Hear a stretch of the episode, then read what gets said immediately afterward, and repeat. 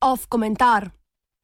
Popevke sem slagal i rožice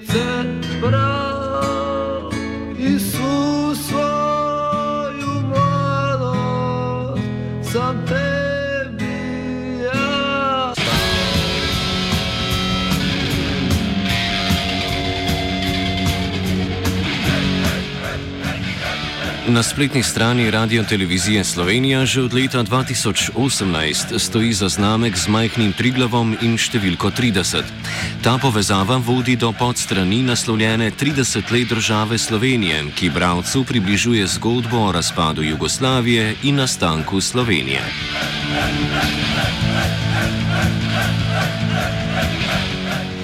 Kdaj se je začelo osamosvajanje in kdaj se je končalo?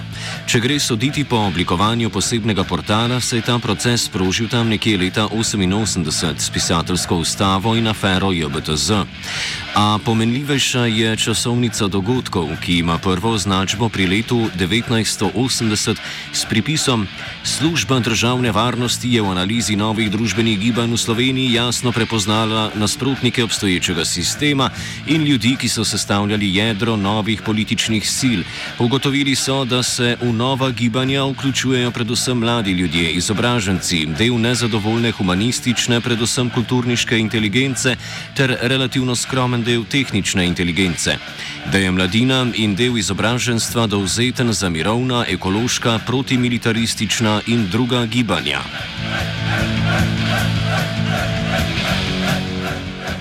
Ali prebrani odlomek res nakazuje na karkoli več kot na neke družbene spremembe, ki so pač sledile drugim evropskim gibanjem? Opisane struje so nedvomno odigrale vlogo pri osamosvajanju, a to se jasno vidi šele v retrospektivi.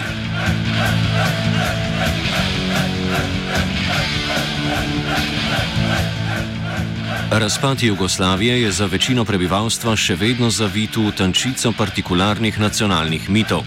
Razpad SFRJ se je torej po različnih interpretacijah začel ob različnih prelomnicah.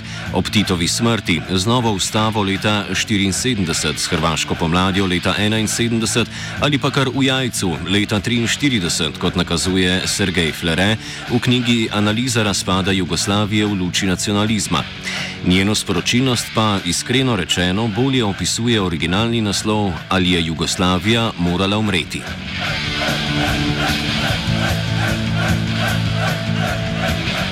Tako v bolj radikalno nacionalističnih, kot tudi v splošno uveljavljenih analizah razpada SFRJ je posod ključen element njegova neizogibnost, čež moralo se je zgoditi, kajti oblikovanje nacionalnih držav je tisti končni stadij, ki smo ga tako ali tako vsi želeli doseči. Jugoslavija je bila na tej poti samo pomoč ali ovira, odvisno, koga vprašate. Ja, Tito je umrl, narodi se tako ali tako niso prenašali, na to je prišla gospodarska kriza in sledila je logična ločitev tega zakona iz interesa. Ja, no. Če kaj, Flere ustrezno povdarja vlogo političnih elit v posameznih republikah, ki so oblikovale javno mnenje. To samo po sebi, vsaj po večini, ni nosilo tako dominantnega nacionalističnega predznaka. Prav tako Flere izpostavi ključno prelomnico na liniji Beograd-Ljubljana, ki je bila dosti bolj aktivna kot tista med prestolnico Federacije in Zagrebom. Ta je bila le bolj uničujoča zaradi vojn, ki so sledile.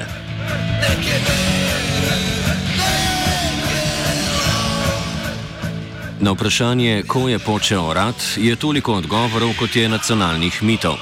Vsi dogodki, ki so se zgodili v letih pred razpadom države in vojnami po njem, so tako v kolektivnem spominu dobili preveliko veljavo. Kot da je bila grmada že pripravljena, potrebna pa je bila samo še iskra, ki bo zanetila požar.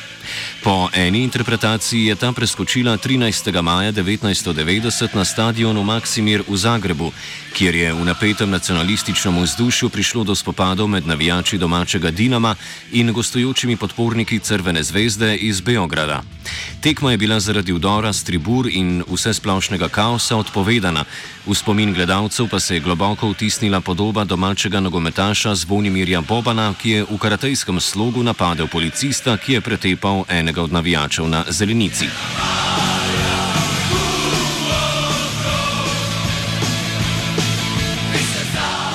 Zdi se, da v letih zatem ta brca vsak 13. maj dobiva vse večjo veljavo. Tako domači kot tudi svetovni mediji neredko pišejo o tekmi, na kateri so se začele jugoslovanske vojne. Pri tem pa ignorirajo dejstvo, da je do vojne na tribunah prišlo deset mesecev, preden je bil izstreljen prvi metek na plitvicah. Kot opozarja Richard Mills v knjigi Nogomet in politika v Jugoslaviji, je bila sezona 1989-1990 tudi sicer tako rekoč stalno kaotična, gostovanja med republikami pa so bila redno prizorišče navijaških spopadov. Po tolikih letih ponavljanja mita je še Boban prevzel narativ o simboliki dejanja, pri katerem neoborožen Hrvat napada srpskega miličnička miličnika, čeprav je v preteklosti sam ustrajal, da za njegovo potezo ni bilo nacionalne motivacije. Prav tako ne gre spregledati podrobnosti, da je bilo miličniku ime Refik Ahmetovič.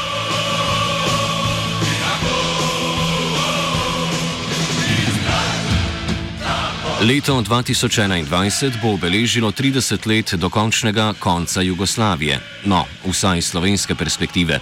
Če slovenski zgodovinski spomin interpretira razpad nekdanje skupne države kot proces, ki ni potekal samo v Sloveniji, pač pa na območju celotne federacije, končal pa se je z odhodom zadnjega vojaka Jela iz Kopra.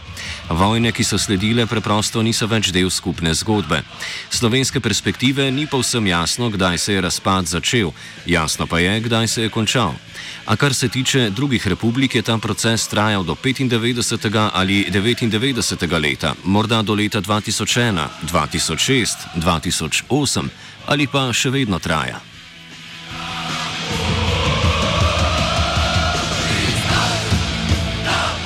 Zgodovina ni linearna, nič se ne zgodi, ker bi bilo tako usvojeno. Imejte to v mislih, ko berete in boste brali neskončne spise, ki bodo obeleževali 30 letja od najponosnejših trenutkov tega ali onega naroda. Nacionalni miti radi pozabijo na senčne strani svetlih dni in z letom 1991 ni nič drugače. Če je Jugoslavija morala razpasti, zakaj potem še vedno obstaja Bosna in Hercegovina? In kaj naj šele rečemo za prvo Jugoslavijo, katere časi so bili še mnogo bolj turbulentni? In kaj, ko čez 10, 20, 100 ali 300 let razpade Evropska unija? A bomo tudi takrat dejali, da ji ni bilo usvojeno?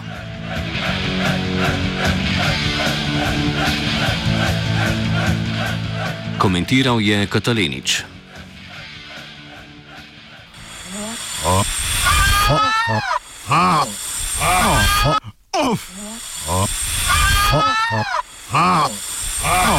Off komentar.